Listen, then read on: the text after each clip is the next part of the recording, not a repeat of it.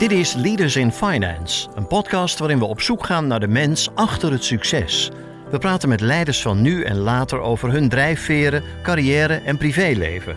Waarom? Omdat er meer gesproken moet worden in de financiële sector. We willen de partners van deze podcast hartelijk bedanken voor hun steun. Dat zijn Interim Valley, FG Lawyers, Odgers Berndson Executive Search en Roland Berger. Onze gast van deze aflevering is CEO bij de Belgische Federatie van Financiële Instellingen. Hij was 20 jaar op zoek naar executives voor allerlei bedrijven en instellingen. Het is een zeer harde sector in die zin. Die wereld van opdrachtgevers is zeer klein.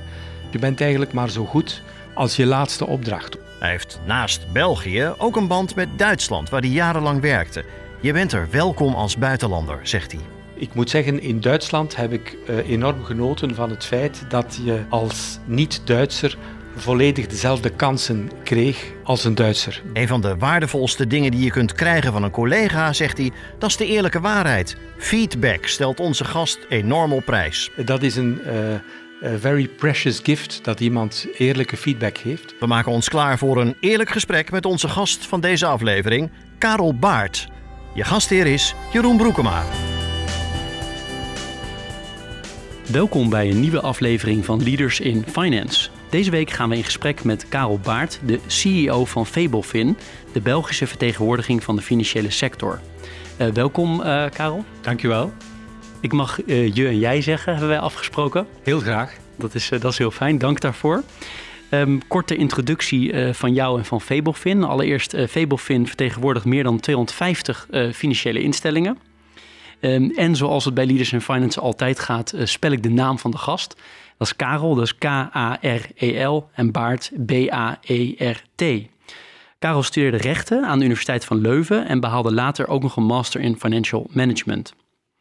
Hij startte zijn carrière bij een advocatenkantoor, maar stapte al snel over naar het bankwezen en werkte een kleine tien jaar voor Deutsche Bank.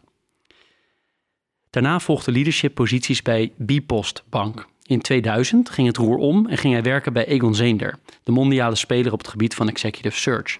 Hij werd er in 2006 global partner en werkte er 20 jaar. In 2020 werd hij CEO bij Fablefin.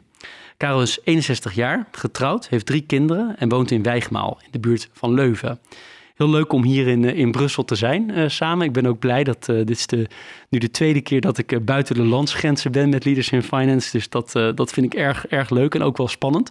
Dus leuk om hier samen te zijn. Welkom in onze nieuwe kantoren hier. Ja, het is, het is brand new zou ik zeggen. Ja, Zeker. Leuk.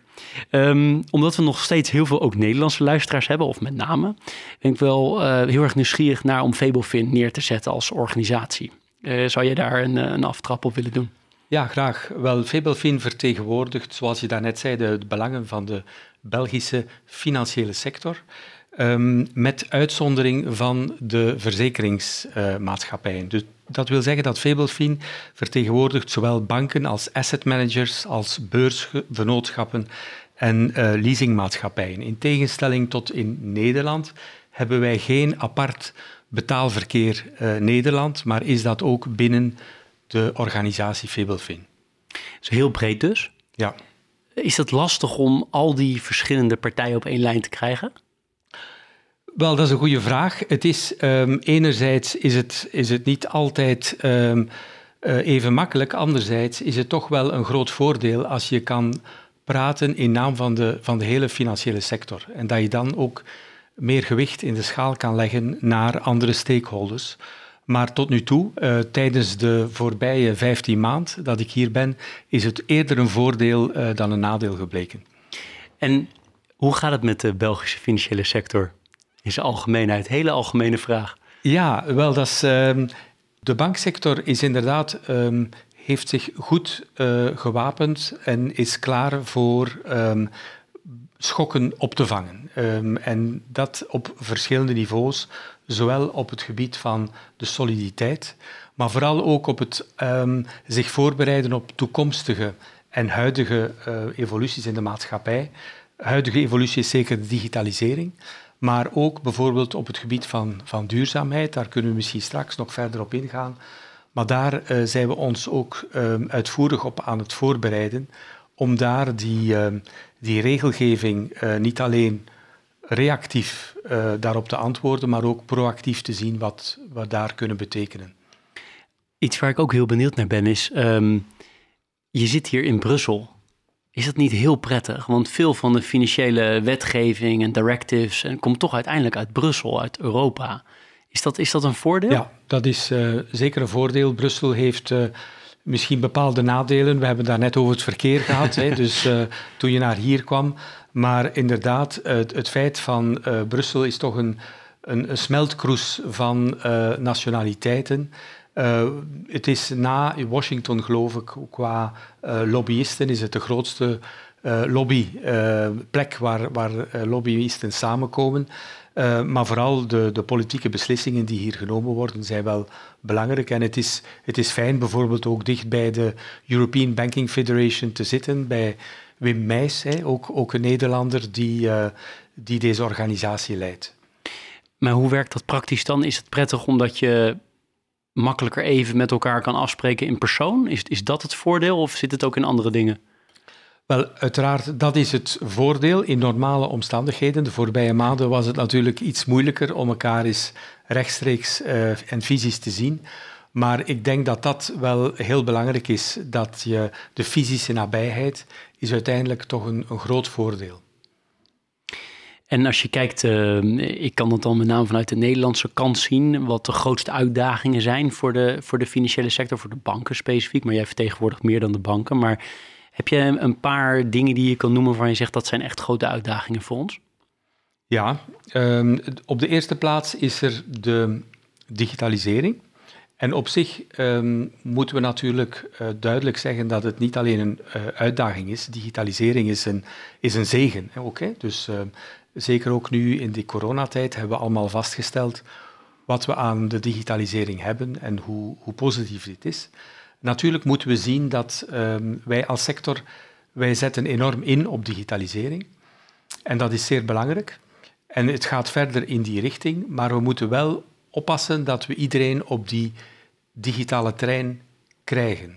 Dus het, um, het thema van de digitale inclusie is iets waar wij als sector en als sectororganisatie veel belang aan hechten. Dat is helder, dat kan me, kan me voorstellen. En uh, voor, jou, voor jouzelf, hoe, hoe was het afgelopen jaar? Want je bent nou, nu, nu een tijdje betrokken, maar ook nog geen, geen jaren en, of langer. Hoe was het om op deze manier te, nou, te starten in een groot deel corona-perikelen? Ja, wel, ik, uh, ik heb eigenlijk uh, ik heb getekend juist in het begin van de, van de crisis. Dus ik, ik wist al een beetje wat, wat op mij af zou komen. Dus in die zin was het geen totale uh, verrassing. Maar ik moet toch eerlijk zijn dat, dat ik nooit gedacht had dat die crisis zo lang zou duren. We dachten toen, dat was in... Ehm, die gesprekken waren in februari vorig jaar. Dan dachten we, oké, daar komt wel iets op ons af, maar dat zal wel na een paar maanden weg hebben. Maar we hebben allemaal vastgesteld dat het veel langer duurde dan, dan gepland. En dat was natuurlijk ook, en ook voor onze organisatie, een belangrijk feit waar we mee rekening hebben moeten houden. Is dat zwaar ook voor jezelf? Want je, alle medewerkers leren kennen digitaal en, en normaal zou je gewoon iedereen kunnen toespreken. Ja, ja dat, was, dat was toch wel uh, even, um, even wennen um, in het begin. We hebben natuurlijk, ik heb mij beholpen met, met alle digitale middelen die er die er zijn. En gelukkig zijn die in overvloeden aanwezig. Maar wat je toch mist, is het, uh, het informele aspect. Hè? Dus dat je tussen twee vergaderingen door even kunt met iemand afstemmen en, en zo verder. Dat was er helemaal niet. Dus ik heb wel um, heel sterk ook ingezet in het begin van uitvoerig met, met alle medewerkers te, te praten. En ook breder, niet alleen over uh, echt professionele topics, maar ze ook op persoonlijk vlak geprobeerd wat beter te leren kennen. Ja, nou, ik kan me voorstellen dat dat belangrijk is. Want hoeveel mensen werken er bij Fabelfin? Wij zijn met in totaal een 65-tal, waarvan 45 bij Fabelfin as such en een twintigtal bij Fabelfin Academy. Dat is onze opleidings, ons opleidingsinstituut. Ja, dat vond ik interessant. Dus je hebt je eigen opleidingsinstituut en maken daar alle organisaties gebruik van? hoe werkt dat? Ja, inderdaad. Dus die, hebben, uh, die zijn qua um, entiteit staan die, staan die los van ons. Um, die hebben een onafhankelijke positie. Ik zit daar in de, in de board. en dus alle banken zijn daar ook vertegenwoordigd in, in die board. Ehm, en dat is inderdaad het, een, een service verlenen aan alle financiële instellingen. Ja, helder. Dat is wel een interessant, interessant model. Ja. ja. Um, we gaan straks nog veel verder terug ook ehm, naar, naar, naar wie jij bent en hoe je op deze positie terecht bent gekomen uiteindelijk. Maar wat ik heel interessant vond, en we noemden het in de inleiding al even, je hebt een, een lange staat van dienst ook in de executive search. Ik weet niet of dat de term is die je zelf daarvoor gebruikt, maar ja. Um, en nu ben je toch uh, weer waar je ook begonnen bent, namelijk in die, in die, in die financiële sector, in die bankenwereld. van waar die overstap? Wel, ik, ehm, ik heb wel uh, uiteraard een, een, warm hart voor de sector op zich. En um, omdat ik daar eigenlijk heel mijn carrière gewerkt heb, um, vanuit verschillende perspectieven. Zoals je zei, eerst als uh, advocaat, uh, dan als bankier, tien jaar Deutsche Bank. dan ook nog bij, bij Bipostbank en ook bij Bipost, waar ik het netwerk geleid heb. en dan uiteindelijk, zoals je zei, bij Egon Zeender. Um, waar ik ook altijd in de financiële sector gewerkt heb, maar vanuit het perspectief dan van het talentmanagement uh, in brede zin, um, waar je toch een, uh, een uniek perspectief krijgt op de, op de samenleving en met name op de, op de financiële sector. En dat zowel vanuit bankenkant, maar ook vanuit het standpunt van de toezichthouder bijvoorbeeld, waar ik de gelegenheid heb gehad, ook bijvoorbeeld voor ECB en zo verder te, te mogen werken. Um, en dat heeft mij wel, en dat helpt mij vandaag ook. Al die contacten die ik toen opgebouwd heb, helpt me zeker. Maar um, contacten is misschien, um, het gaat werkelijk over echt goede relaties die je opgebouwd hebt met mensen. En ook, althans zo zie ik het, vertrouwensvolle relaties. En dat is denk ik belangrijk als basis om, om die job ook verder goed te doen. Ja, dat kan me voorstellen. Want alleen iemand kennen is wat anders dan iemand ook vertrouwen en ook echt iets gunnen en uh, doen. Maar, dan, maar dan toch nog heel even naar, want ik ben heel nieuwsgierig van hoe, hoe gaat zo'n overstap vanuit, uh, je bent global partner bij Egon Zeender, je bent daar uh, lange staat van dienst. Hoe, hoe word je dan CEO van Fabelfin? Hoe, hoe gaat zoiets? Ja, je dat al, en hoe, waarom wilde je het? Wel kijk, waarom ik het wilde, laten we daarmee beginnen. Ik, ik had dus, zoals je zei, een een lange staat van dienst bij Egon Zeender. Ik, ik, vond het, eh, ik vind het nog altijd een, fantastisch, fantastische organisatie, een, een, private partnership, uh, waar ik heel veel geleerd heb. Ik heb daar heel fijne mensen uh, leren kennen. Um, en mijn hart ligt voor een stuk zeker ook, ook nog daar. Maar ik wou toch nog eens iets, iets anders doen. En ik vind het fantastisch. Uh, de job die ik nu heb, kan je laat ik zeggen, de financiële sector uh, as such uh, natuurlijk ondersteunen. Hè. Je kan daar ehm, hun belangen verdedigen enerzijds, maar je kan ook de bredere maatschappelijke belangen dienen. En die combinatie vind ik fantastisch. Hè. Een generatie waar ik ben, bijvoorbeeld als we het over duurzaamheid hebben, ik denk dat onze generatie waarschijnlijk qua duurzaamheid wel hier en daar steken heeft laten vallen. En als je dan, uh, laat ik zeggen, in die functie vanuit Fabelfin daar iets nog kunt uh, aan doen. Hè. Ik blijf heel bescheiden, want ons, uh, wat wij doen is natuurlijk altijd beperkt. Maar daar wil ik echt mijn schouders onder zetten, om daar, um, om daar ook die sector te ondersteunen in de doelstellingen die ze daar stellen. Het is nu twee keer teruggekomen. Moeten misschien toch heel even alvast op sustainable, sustainable finance ingaan. Want wat, wat kunnen jullie daarin uh, precies uh, betekenen? Het komt vaak terug in deze serie. Ik ben al benieuwd van concreet, wat, wat kan er gedaan worden vanuit de sector?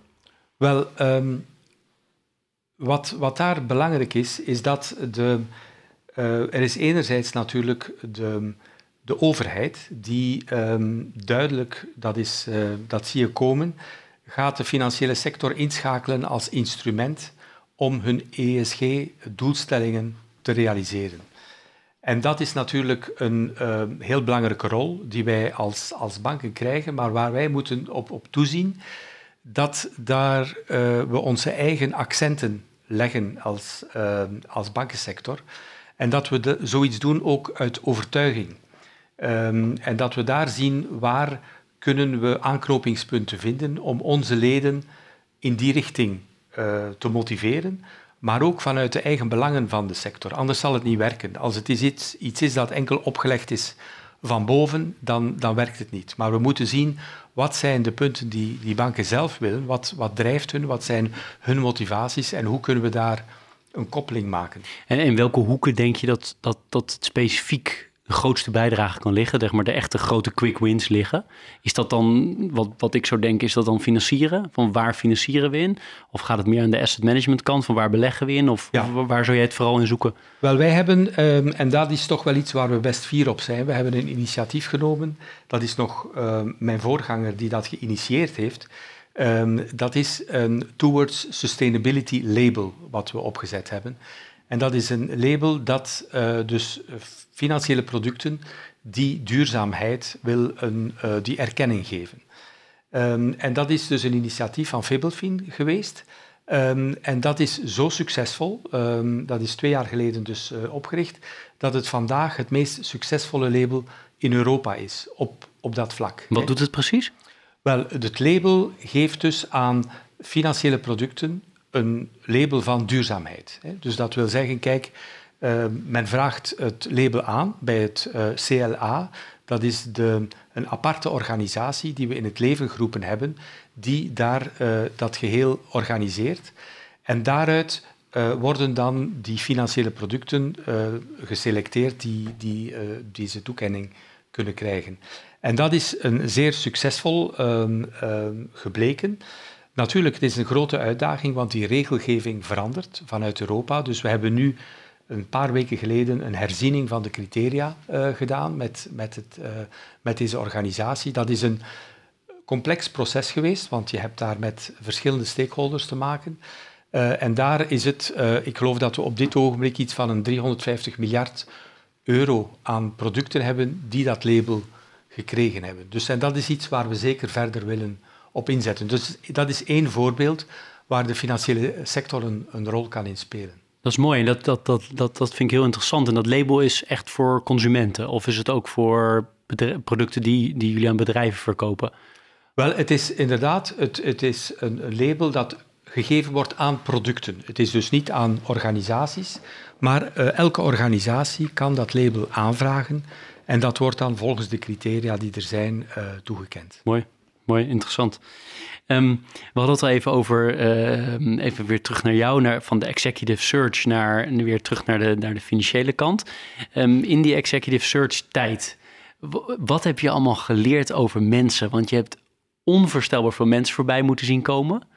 Uh, bijna allemaal op, op het hoogste niveau, uh, op hiërarchisch gezien binnen die, um, die bedrijven en organisaties waar je voor werkte. Ja. Kan, kan, je, komt er zo wel bij je boven wat, je, wat nou het meest de meest leerzame dingen zijn geweest? Want er zijn weinig mensen die zoveel mensen op dat niveau hebben mogen spreken als jij waarschijnlijk. Ja, nee, maar dat is juist. En ik, ik voel me daar ook bevoorrecht in. En dat is, uh, dat is een grote, grote rijkdom. Uh, wat ik geleerd heb is dat um, ja, uiteindelijk um, is iedereen anders. En um, ik denk dat je als je werkt in executive search nooit mag in de val trappen van ik ken het lesje hier nu wel en ik, ik weet hoe het werkt. Je moet altijd uh, een zekere nieuwsgierigheid nog, nog opbrengen en, en verwondering uh, over de mensen. Als je dat niet meer hebt, uh, stop je er beter mee. Hè? Dus dat er een zeker cynisme zou ontstaan en zo verder van I've seen it all, I've done it all.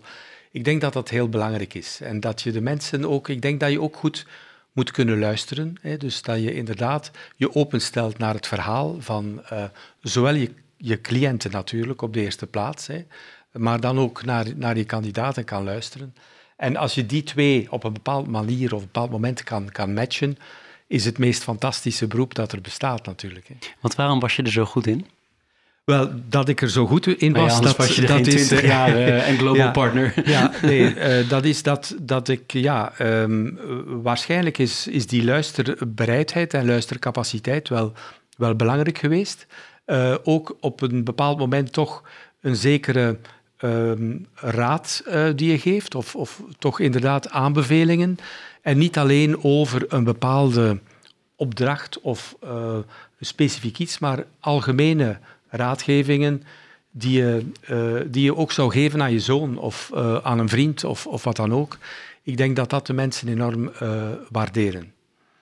En heb je het, het, het publiek, hè, de mensen die jij plaatste, mm -hmm. heb je dat zien, zien veranderen? Het soort of de achtergronden? Of is er veel veranderd in die, in die twintig jaar dat jij daarmee bezig was?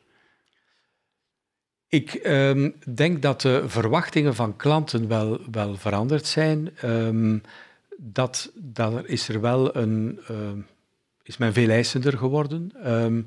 ik denk dat ook de sector misschien iets moet oppassen, en nu spreek ik niet over Regonseder in het algemeen, dat het niet te veel uh, de mensen in vakjes uh, gezet worden van scoring van uh, bepaalde um, competenties. Dat is uiteraard belangrijk en je moet een kwalitatief, moet je kunnen een zekere vergelijkbaarheid opzetten. Dat is benchmarking, moet je zeker doen.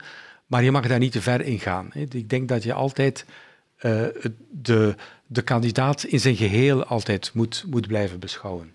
En, en de, de, de, financiële, de opdrachtgevers in de financiële sector, zijn die hele andere dingen gaan vragen ook van, van jou als, um, als degene die met goede kandidaten zou uh, moet komen?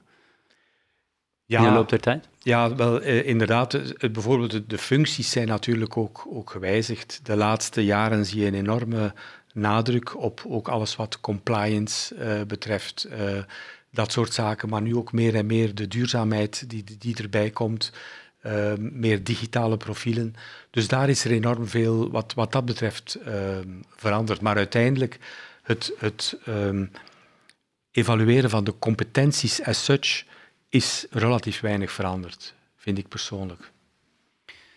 Ik ook nieuwsgierig naar ben is, in al die, in al die, die enorme hoeveelheid gesprekken, want daar zit ik steeds mee in mijn hoofd, van je hebt zoveel van die top van die financiële sector voorbij zien komen de, de drijfveren van deze mensen. dan waarschijnlijk zeg jij dat is ook heel divers. Maar zijn er een paar rode draden uit te halen waarvan je zegt ja, dat komt wel vaak terug?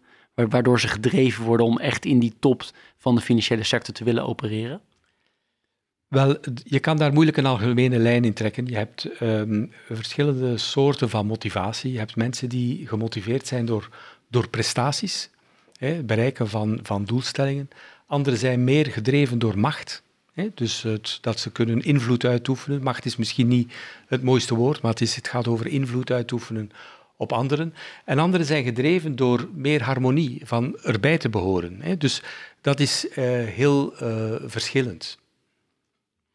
Heb je wel uh, vaak of niet vaak, heb je wel eens mensen geplaatst waar je achteraf dacht, was toch geen goede zet geweest? Ben ik van overtuigd. Hè? Dus dat is, je hebt... Um, uh, altijd wel een, uh, in die, ja, hoeveel zijn er toch, toch een uh, aantal honderden geweest, um, dat je achteraf zegt, kijk, dat, dat was misschien niet een, een, een, ideale plaatsing, dat, dat is zeker, maar daar leer je ook uit. En het is een zeer harde sector in die zin, als je dat te veel overkomt, dan ben je gewoon oud, hè? want je bent eigenlijk maar zo goed als je laatste opdracht, omdat die wereld van opdrachtgevers is zeer klein en als je daar um, um, ja, een, een, grote fout maakt, is dat heel snel geweten. Dus, uh, Helder, ja. kan me helemaal voorstellen. Kom je nog veel mensen tegen nu in je CEO's die jij geplaatst hebt of raad van bestuursleden die nu uh, bij ja, jou uh, klant is, zijn, zeg ik maar even? Dat is heel prettig, ja, ja. ja toch wel. Dus, en dat is, dat is heel leuk. nu over die, uiteraard zijn er Chinese walls, hè, dus hetgeen wat, wat toen qua, qua bedrijfsinformatie, wat ik toen kende, dat, dat uh, ga ik uiteraard niet, niet hier gebruiken. Maar uiteraard voor mijn eigen vorming is dat zeer belangrijk geweest. Hè. Als we dan wat verder teruggaan, dan ben je um, destijds gestart als in de advocatuur en toen de financiële sector ingegaan. Kan je, kan je mij meenemen in hoe dat kwam? Ja, wel, uh, dat is een goede vraag. Ik, ik moet zeggen, eerst was ik, uh, als ik nog studeerde, had ik nooit gedacht van ooit in de financiële sector te werken. Het leek mij zeer saai, hè? zoals ook verzekeringen dacht ik, dat is iets wat, wat ik niet wil doen.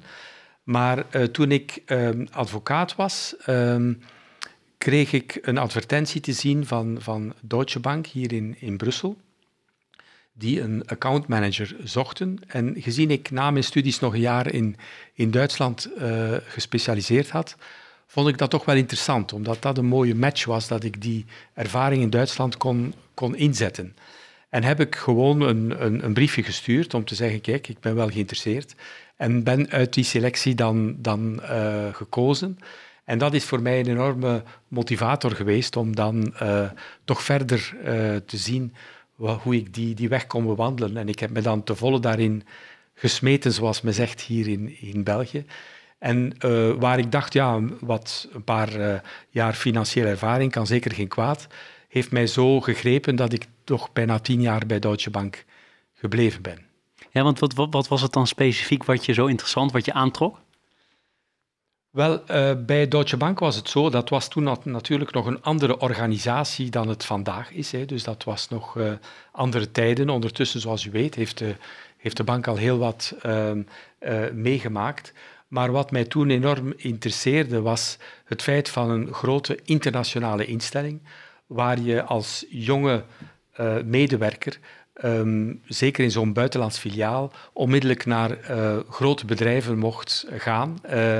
En daar je ding doen. En dan uh, financiële producten verkopen, uh, zonder dat daar een op lokaal vlak een grote hiërarchie was. Dus daar heb ik eigenlijk vleugels gekregen. En uh, dat was op een bepaald moment dan zo dat, dat ik dan de gelegenheid kreeg naar, naar Duitsland te gaan. Omdat ik, en ik vond dat wel belangrijk, om naar het moederland te gaan, bij wijze van spreken.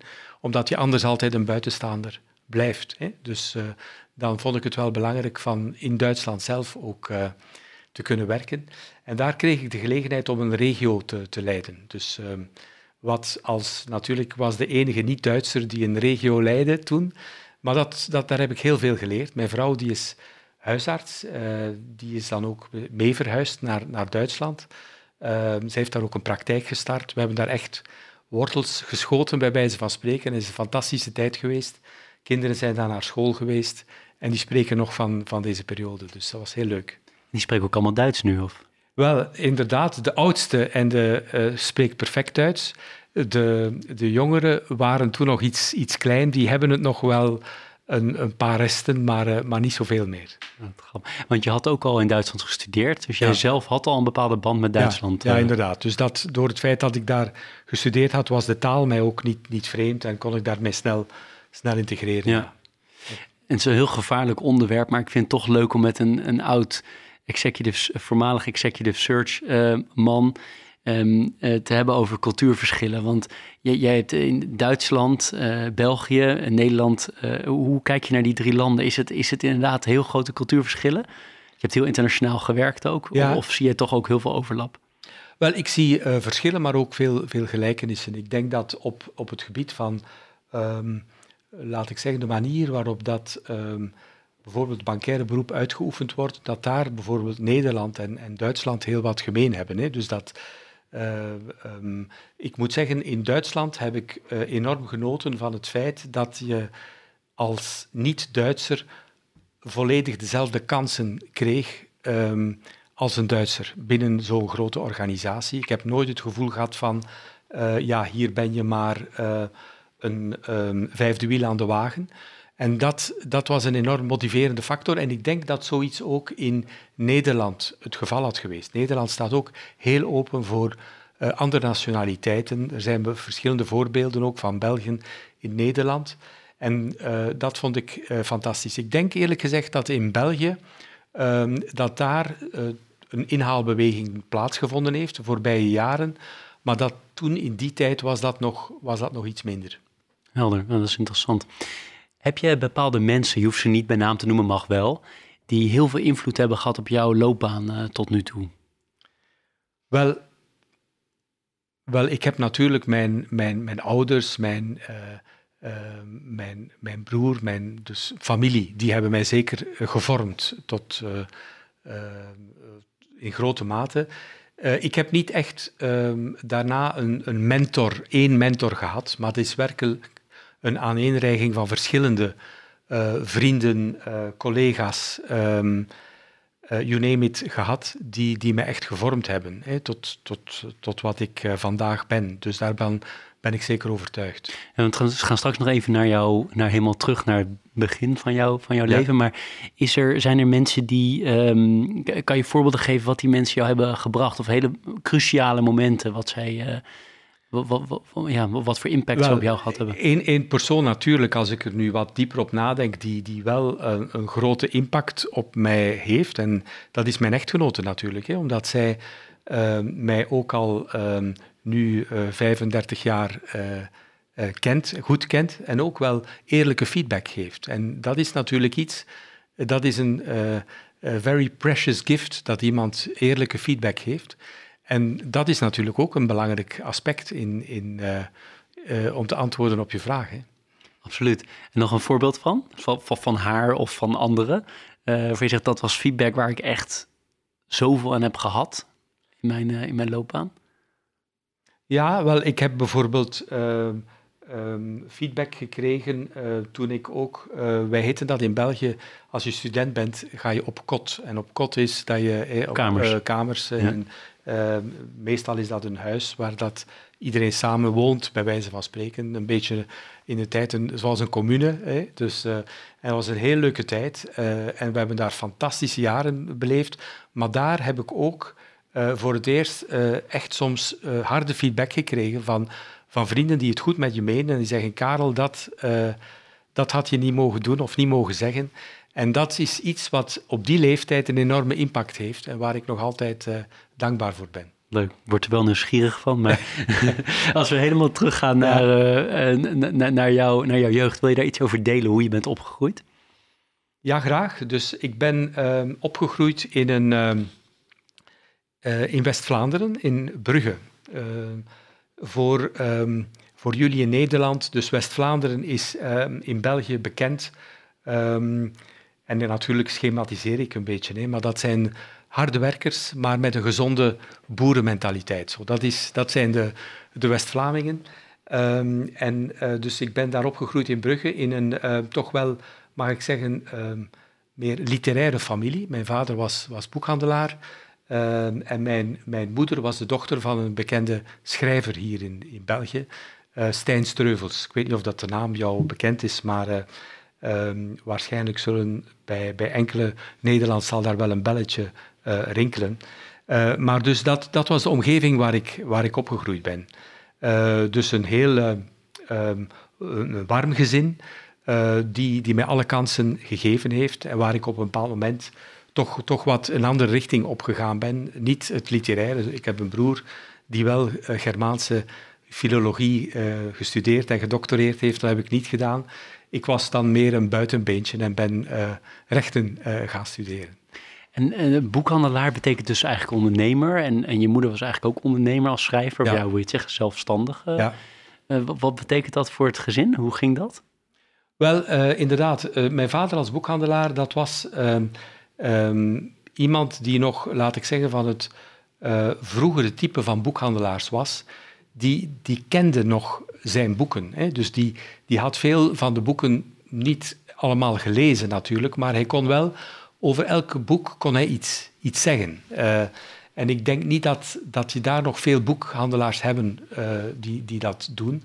En uh, wat ik mij zeer goed aan hem herinner, is dat het ook een zeer sterke clients first mentality was. Dus bij ons thuis, als er een klant belde of, of wat dan ook, alles moest wijken daarvoor. Dus dat is zeker iets dat ik, dat ik geleerd heb en meegedragen heb van hem. Mooi heb je nog bepaalde, zijn er bepaalde normen en waarden die je hebt meegekregen uit je jeugd die je altijd hebt meegenomen? Ja, um, ik, ik denk dat daar. Um, en die normen en waarden zijn waarschijnlijk niet typisch uh, mijn eigen familie geweest. Ik denk dat heel wat uh, um, Vlamingen of Belgen het, hetzelfde zouden zeggen. Maar het is op de eerste plaats kwaliteitsgeoriënteerd, maar het blijft bescheiden. Hè. Dus de bescheidenheid is wel ook wel altijd een. Hè. Gaan niet. Um, kom niet te hoog boven het maaiveld uit. Hè. Uh, of enkel als je dat doet, moet het in kwaliteit zijn. Hè. Dus dat is wel iets wat, uh, wat belangrijk is. Um, maar ook het, de, de, de solidariteit vond ik ook wel is iets wat, wat uh, sterk meegespeeld heeft. Um, en ik bedoel daarmee solidariteit naar, naar de hele samenleving.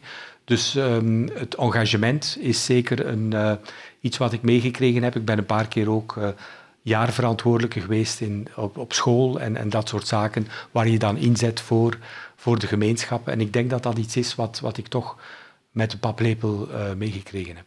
En hoe kwam je dan op bijvoorbeeld uiteindelijk die Master in Financial Management die je hebt gedaan? Waar komt die motivatie vandaan? Bedacht je dat zelf of had je mensen om je heen of hoe ging dat? Wel, dat was heel simpel. Dat ik, uh, ik had dus rechten gedaan uh, en ik werkte bij Deutsche Bank uh, toen. En ik vond dat mijn kennis van de, van de financiële wereld en, onvoldoende was. En dan heb ik gezegd, kijk, dat heb ik dan in avondschool heb ik er dat dan gewoon bij gedaan. Dus uh, dat was de motivatie. Ja, oké. Nee, dat had ik eigenlijk anders moeten stellen. Ik had moeten zeggen, waarom was je rechten gaan doen? Ah, dat was de eerste studie natuurlijk. Ja. Hoe kwam je daarbij? Uh, bij? Wel, dat, dat was een, uh, een heel... Ik heb daar lang over nagedacht in het laatste jaar. Bij ons heet dat retorica, het laatste jaar van de middelbare school. Uh, ik vond dat een heel belangrijke keuze. En uiteindelijk, degene die mij daar het meest in geholpen heeft in deze keuze te maken, is, is mijn broer geweest, die, die een jaar of vijf ouder uh, was dan ik. En die zei, kijk, als je een keuze maakt, probeer daar ook een, een soort um, maatschappelijke dimensie aan te geven. Van wat vind jij belangrijk in het leven um, om dat de samenleving zou, zou bereiken of veranderen. En ik vond toen, ik had een, en nog altijd trouwens, een sterk rechtvaardigheidsgevoel. En ik had toen de illusie, maar uiteindelijk is het niet alleen een illusie gebleken, dat ik als ik rechten studeerde, dat ik kon bijdragen tot een rechtvaardigere samenleving. En dus dat is uh, mijn uiteindelijke motivatie geweest. Dat is wel interessant wat je zei. Uh, uiteindelijk is het geen illusie gebleken. Wat bedoel je daarmee?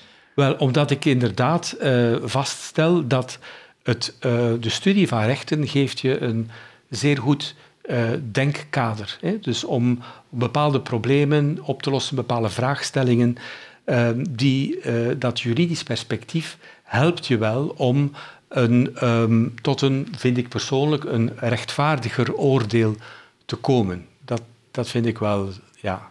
Mooi, mooi verwoord. Ja. ja leuk, leuk. Um, wat, wat motiveert Karel uiteindelijk in alle dingen die je doet? Wat is je drijfveer? Mijn drijfveer is um, op de. Ja, dat is een heel goede vraag. Um, ik heb het vaak moeten doen voor uh, andere mensen. Hè. Die vraag uh, heb ik vaak zelf gesteld. Hè. Dus als je ze dan uh, zelf moet beantwoorden, is dat nog, nog een ander paar mouwen, stel ik vast. um, maar ik denk dat het bij mij een combinatie is van enerzijds het bereiken van bepaalde objectieven. Dus um, I want to leave behind the legacy. Hè, dus dat je zegt, kijk, dat zijn zaken waar ik wil voor vechten en objectieven die ik wil bereiken. Aan de andere kant is ook het zeker, zeker harmonie, bewustzijn is er ook wel bij. Dus uh, I want to belong to, uh, to a group and I want to be part of that and to contribute is zeker ook een, een belangrijke motivatie in mijn geval. Dus de, de team, het team is heel belangrijk, eh, als ik het even in mijn woorden mag zeggen. En je zegt van er zijn ook wel dingen waar ik echt voor wil vechten. Dat zijn wat, wat voor soort onderwerpen zijn dat waarvan je zegt daar, daar ben ik, zit ik echt uh, ja, met, met veel meer passie dan in zijn algemeenheid in? Ik, um, inderdaad, waar ik echt wil voor vechten is, uh, en daar komen we natuurlijk op het, op het thema duurzaamheid. Maar ik wil ook vechten op het, uh, laat ik zeggen, het ondersteunen dat we doen. En dat is dan nu vertaald naar mijn, naar mijn huidige functie. Het ondersteunen van de economie. Ik denk dat het een enorm belangrijke taak is in, in de huidige tijden. Uh, dat we um, het, het geheel van um, um, mechanismen die de economie doen draaien dat we, daar een, dat, we dat behouden en, en verder zetten. Hè. Dus in, in sommige gevallen merk ik dat heel wat ja, bepaalde stakeholders daar verschillende elementen van in vraag stellen. Maar ik denk dat juist een, een bloeiende economie een voorwaarde is om welvaart te creëren. Hè. En ook om sociaal goed werk te kunnen doen ten dienste van de maatschappij moet je uiteindelijk een goed draaiende machine hebben die dat kan financieren. En als je dat niet hebt, dan gaat heel, heel de machinerie stokken. En dat, uh, daar wil ik ook mij voor, voor inzetten. Ja, dat is mooi. Dat is mooi. Dus eigenlijk zou je ook kunnen zeggen de, de meer bijna publieke rol van de banken. Ja. Of publiek klinkt wel, ja. het zijn natuurlijk geen publieke organisaties, maar de, de rol die ze spelen in als smeerolie van de economie. Ja, inderdaad. En daar vind ik persoonlijk um, dat daar in heel Europa en zeker ook in België banken vaak in een hoekje geplaatst worden hè, van, um, van kritiek. Um, en ten dele zal daar uh, van die kritiek een tien, twaalftal jaar geleden zal zeker correct geweest zijn. Maar ik denk dat veel van die kritiek vandaag ten onrechte is. Dat inderdaad, zoals ik daarnet zei, de banken een belangrijke transformatie meegemaakt hebben. Dat je ook een ander management hebt vandaag die inderdaad veel meer dan vroeger rekening houdt met die maatschappelijke dimensie. Mooi. Als je kijkt naar trots en je kijkt van, van advocaat naar, naar de bankenwereld, naar de, naar de executive search en nu naar de, de belangenvertegenwoordiging, eh, kan je één of twee dingen noemen waar je zelf heel erg trots op bent? Wel, ook een goede vraag. Ik, ik, ik heb moeite om daar een um, één of twee uit te pikken. Um, waar ik wel uh, trots op ben, is uh, dat ik denk dat ik uh, in momenten van, van crisis, in mo moeilijke momenten, dat ik daar wel ervaren heb, dat is althans de feedback die ik gekregen heb, om een, een, een grote meerwaarde te, te, hebben. Of een meerwaarde, laat het grote aan anderen over om dat te zeggen. Maar dat ik dan eigenlijk de, de adrenaline vind om, om juist dan op de gaspedaal te duwen en, en te zien waar we kunnen uh, uit, uit die moeilijke momenten komen. En dat is iets wat, wat ik denk, ja, uh, het meest beantwoord. Uh, dat is interessant, want waarom komt het dat je dan juist boven komt, nog sterker naar boven komt? Omdat ik het dan juist de uitdaging groter vind. Hè? Dus dat je zegt, kijk, if the going gets tough, then you should be there. Hè? Dus uh, dat is een. Uh, en, en, en dan uh, heb je echt de uitdaging van, ja kijk, we moeten hier zien dat we het schip, het schip redden. Hè? Um, en dan vind ik het ook leuk, is, is, is, misschien een verkeerd woord, maar vind ik het, vind ik het goed om dan echt, en misschien wel voor een stuk ook leuk om dan je meerwaarde te tonen. Ja. En hoe doe je dat praktisch? Ben jij iemand die heel rustig blijft of echt juist heel hard gaat werken? Of ik doe maar wat suggesties, maar hoe pak je dat aan als je in zo'n crisis terechtkomt? Ja, ik denk wel dat ik uiterlijk wat, wat rust uh, kan brengen. Hè? Dus dat ik die rust wel uh, wat, wat uitstraal. Of dat dat uh, in, innerlijk zo is, dat is een andere vraag. Ik, ik denk het niet. Hè? maar um, ik ben ervan overtuigd, en dat is misschien dan weer het, het West-Vlaamse die, die wat naar boven komt, maar dat je uiteindelijk... Ik had een, een Duitse een Duitse collega die mij eens uh, gezegd heeft: um, um, um, Das Glück uh, ist dem Tüchtigen.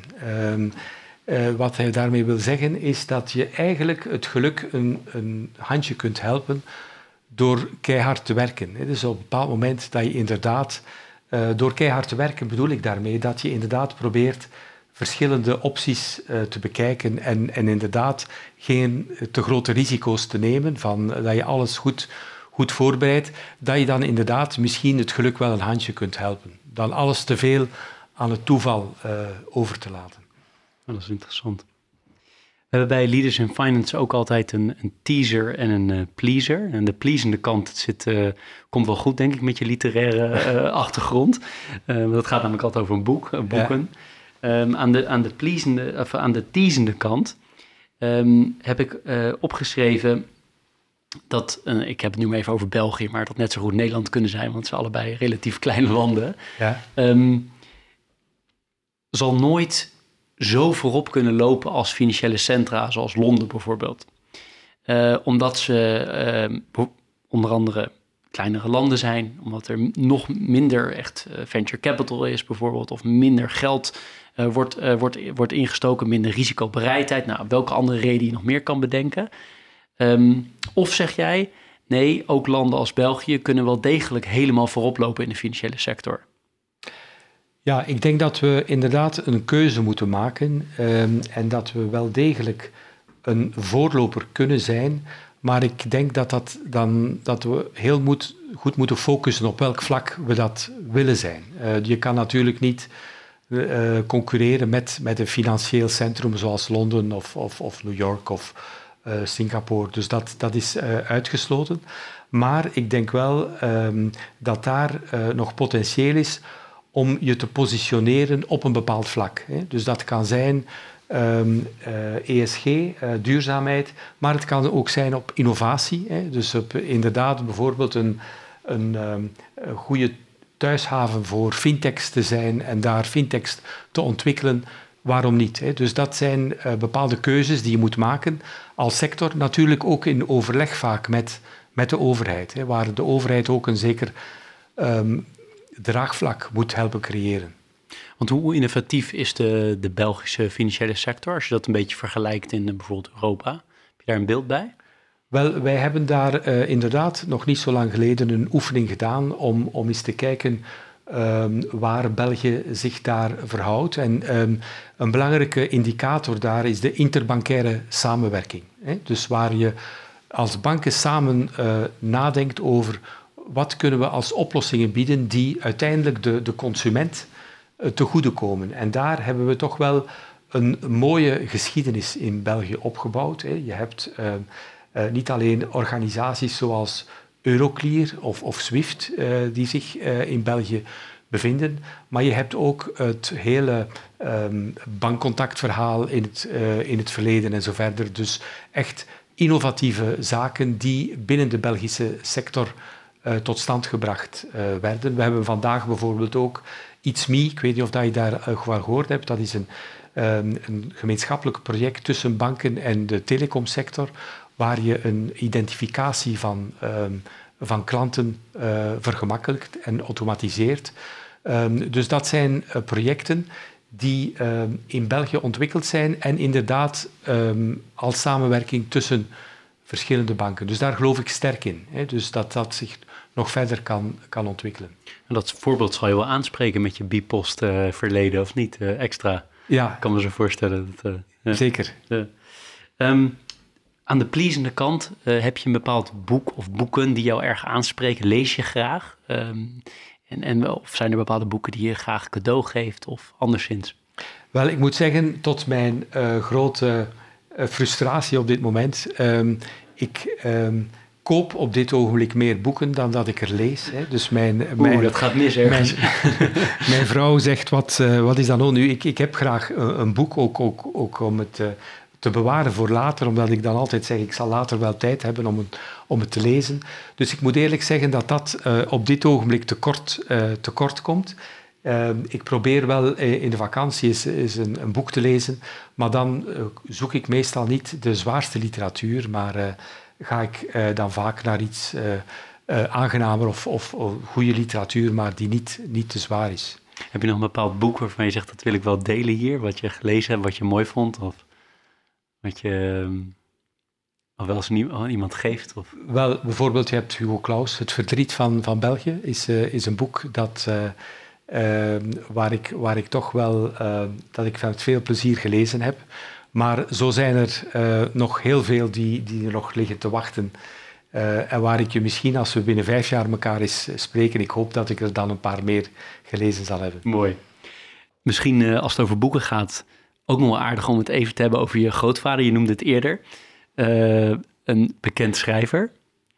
Heb je daar alles van gelezen? Of is er een specifiek boek van hem waarvan je zegt dat dat vond ik echt bijzonder, extra bijzonder? Ik denk niet dat ik al alles gelezen heb, maar ik heb er wel een paar uh, gelezen die ik bijzonder uh, interessant vond of die mij toch geboeid hebben. En één specifiek boek um, is het boek De Vlasgaard.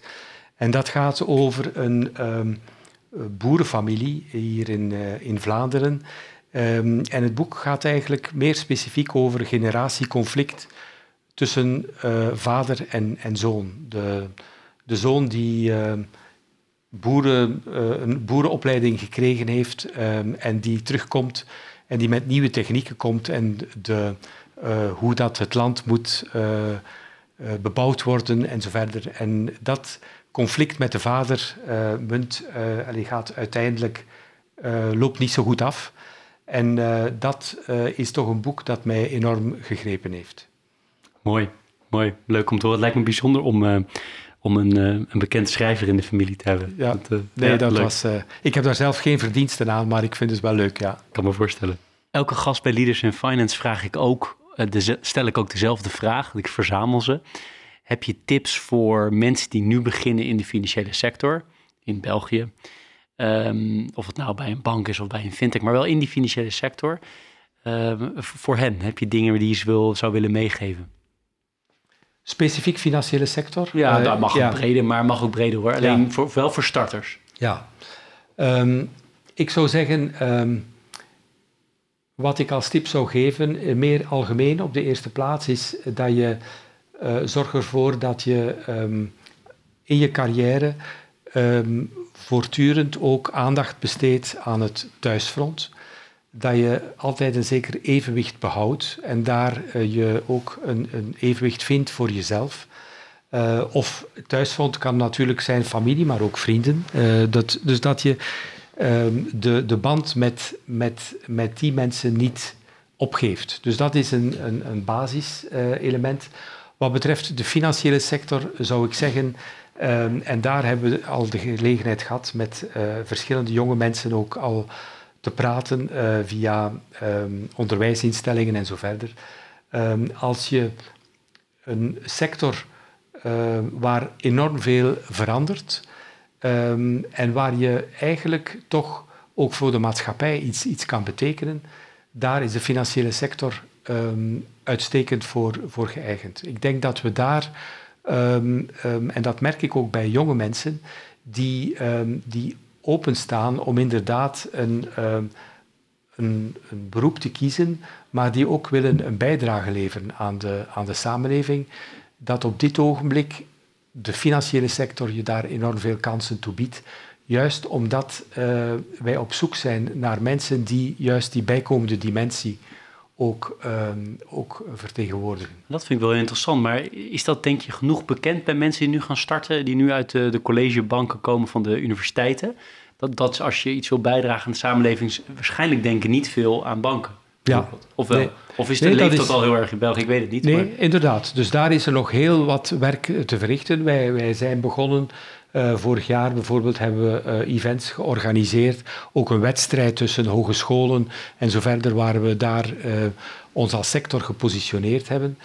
ik denk dat we daar um, zeker en vast um, het stof wat er moeten verder van afnemen. Dus dat dat nog vaak de perceptie is die, die leeft een beetje gevolg nog altijd van die, van die financiële crisis, maar dat we daar een, een nieuwe generatie van, van jongeren kunnen aanspreken die um, echt daar hun, hun ding willen doen en hun idealen ook realiseren.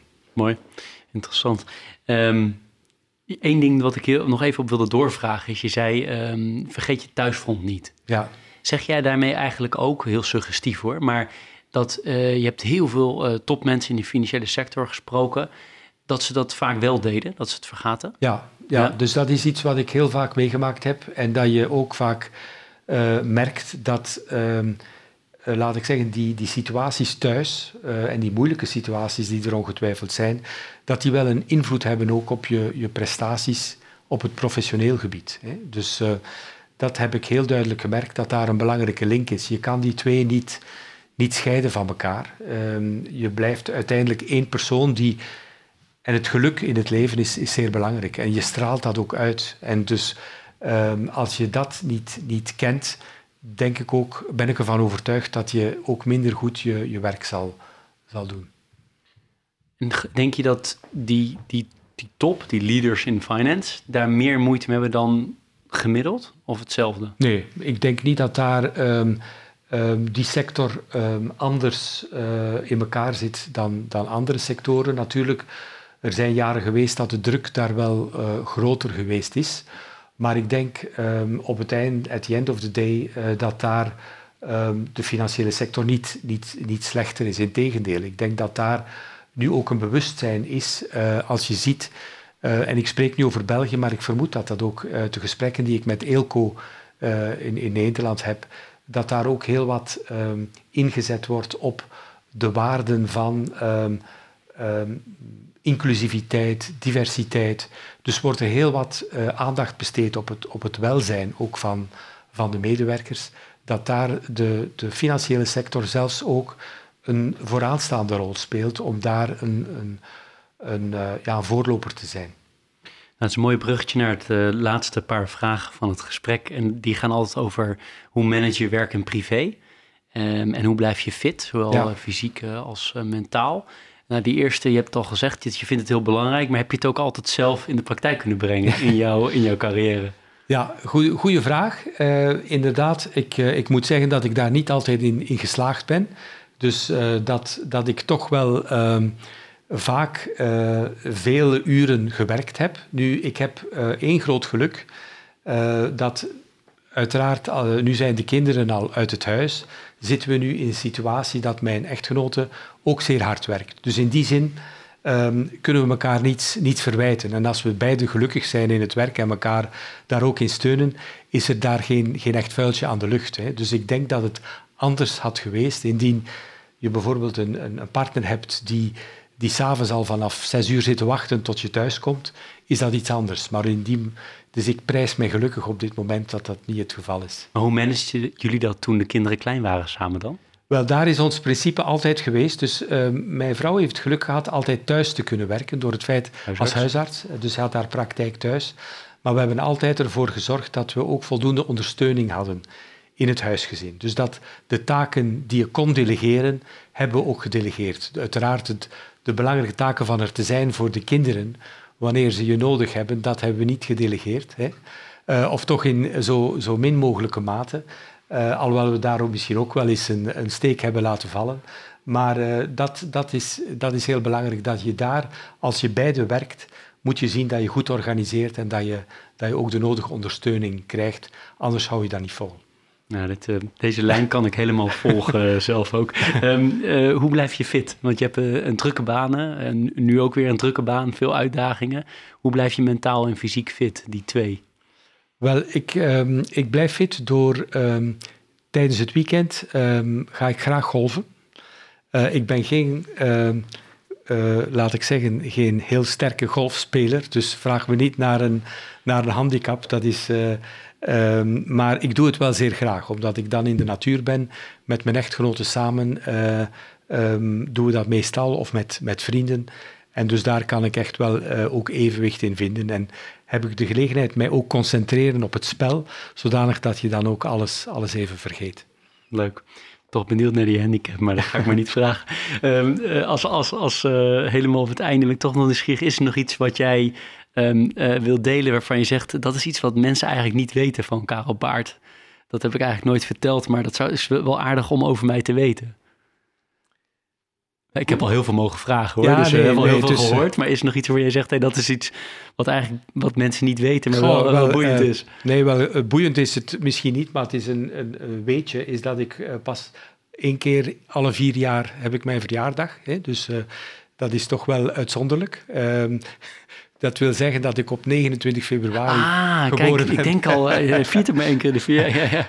Dus, nee, maar dat is een geintje. Maar dus dat wil zeggen dat ik eigenlijk vandaag nog relatief jong ben. Ik kom nu stilaan in de puberteit, hè, dus uh, is dat... dat is wel uh, is dat Mooi. Tot slot is er nog iets waarvan je zegt, uh, Jeroen, dat had ik graag willen vertellen, of dat had je, jammer dat je het niet gevraagd hebt. Nee, ik vind dat je heel breed gegaan bent en ik, ik, dank je voor het aangename gesprek. Ik vind het heel fijn met jou daarover te praten. Je geeft de mensen echt de gelegenheid om, om zichzelf te zijn. Dus bedankt daarvoor. Nou ja, dat, uh, alle dank gaat uiteraard naar, uh, naar jou. Uh, Bocca Koffie, dat ligt hier naast mij. Dat kunnen luisteraars niet zien, maar jij ziet het wel. dat is een, een bedrijf, een zogenaamd B Corp, een Benefit Corporation ja. gecertificeerd bedrijf. Die verzorgt het bedankje voor de tijd die jij en andere gasten erin steken. heel erg bedankt daarvoor. Heel leuk om hier in, in Brussel te zijn bij Febofin. En ik ga jou en de organisatie volgen. En ik hoop vaker in, eh, in België eh, mensen te spreken. Maar voor nu, Karel, heel hartelijk dank voor je tijd. Dankjewel. Hartelijk welkom altijd.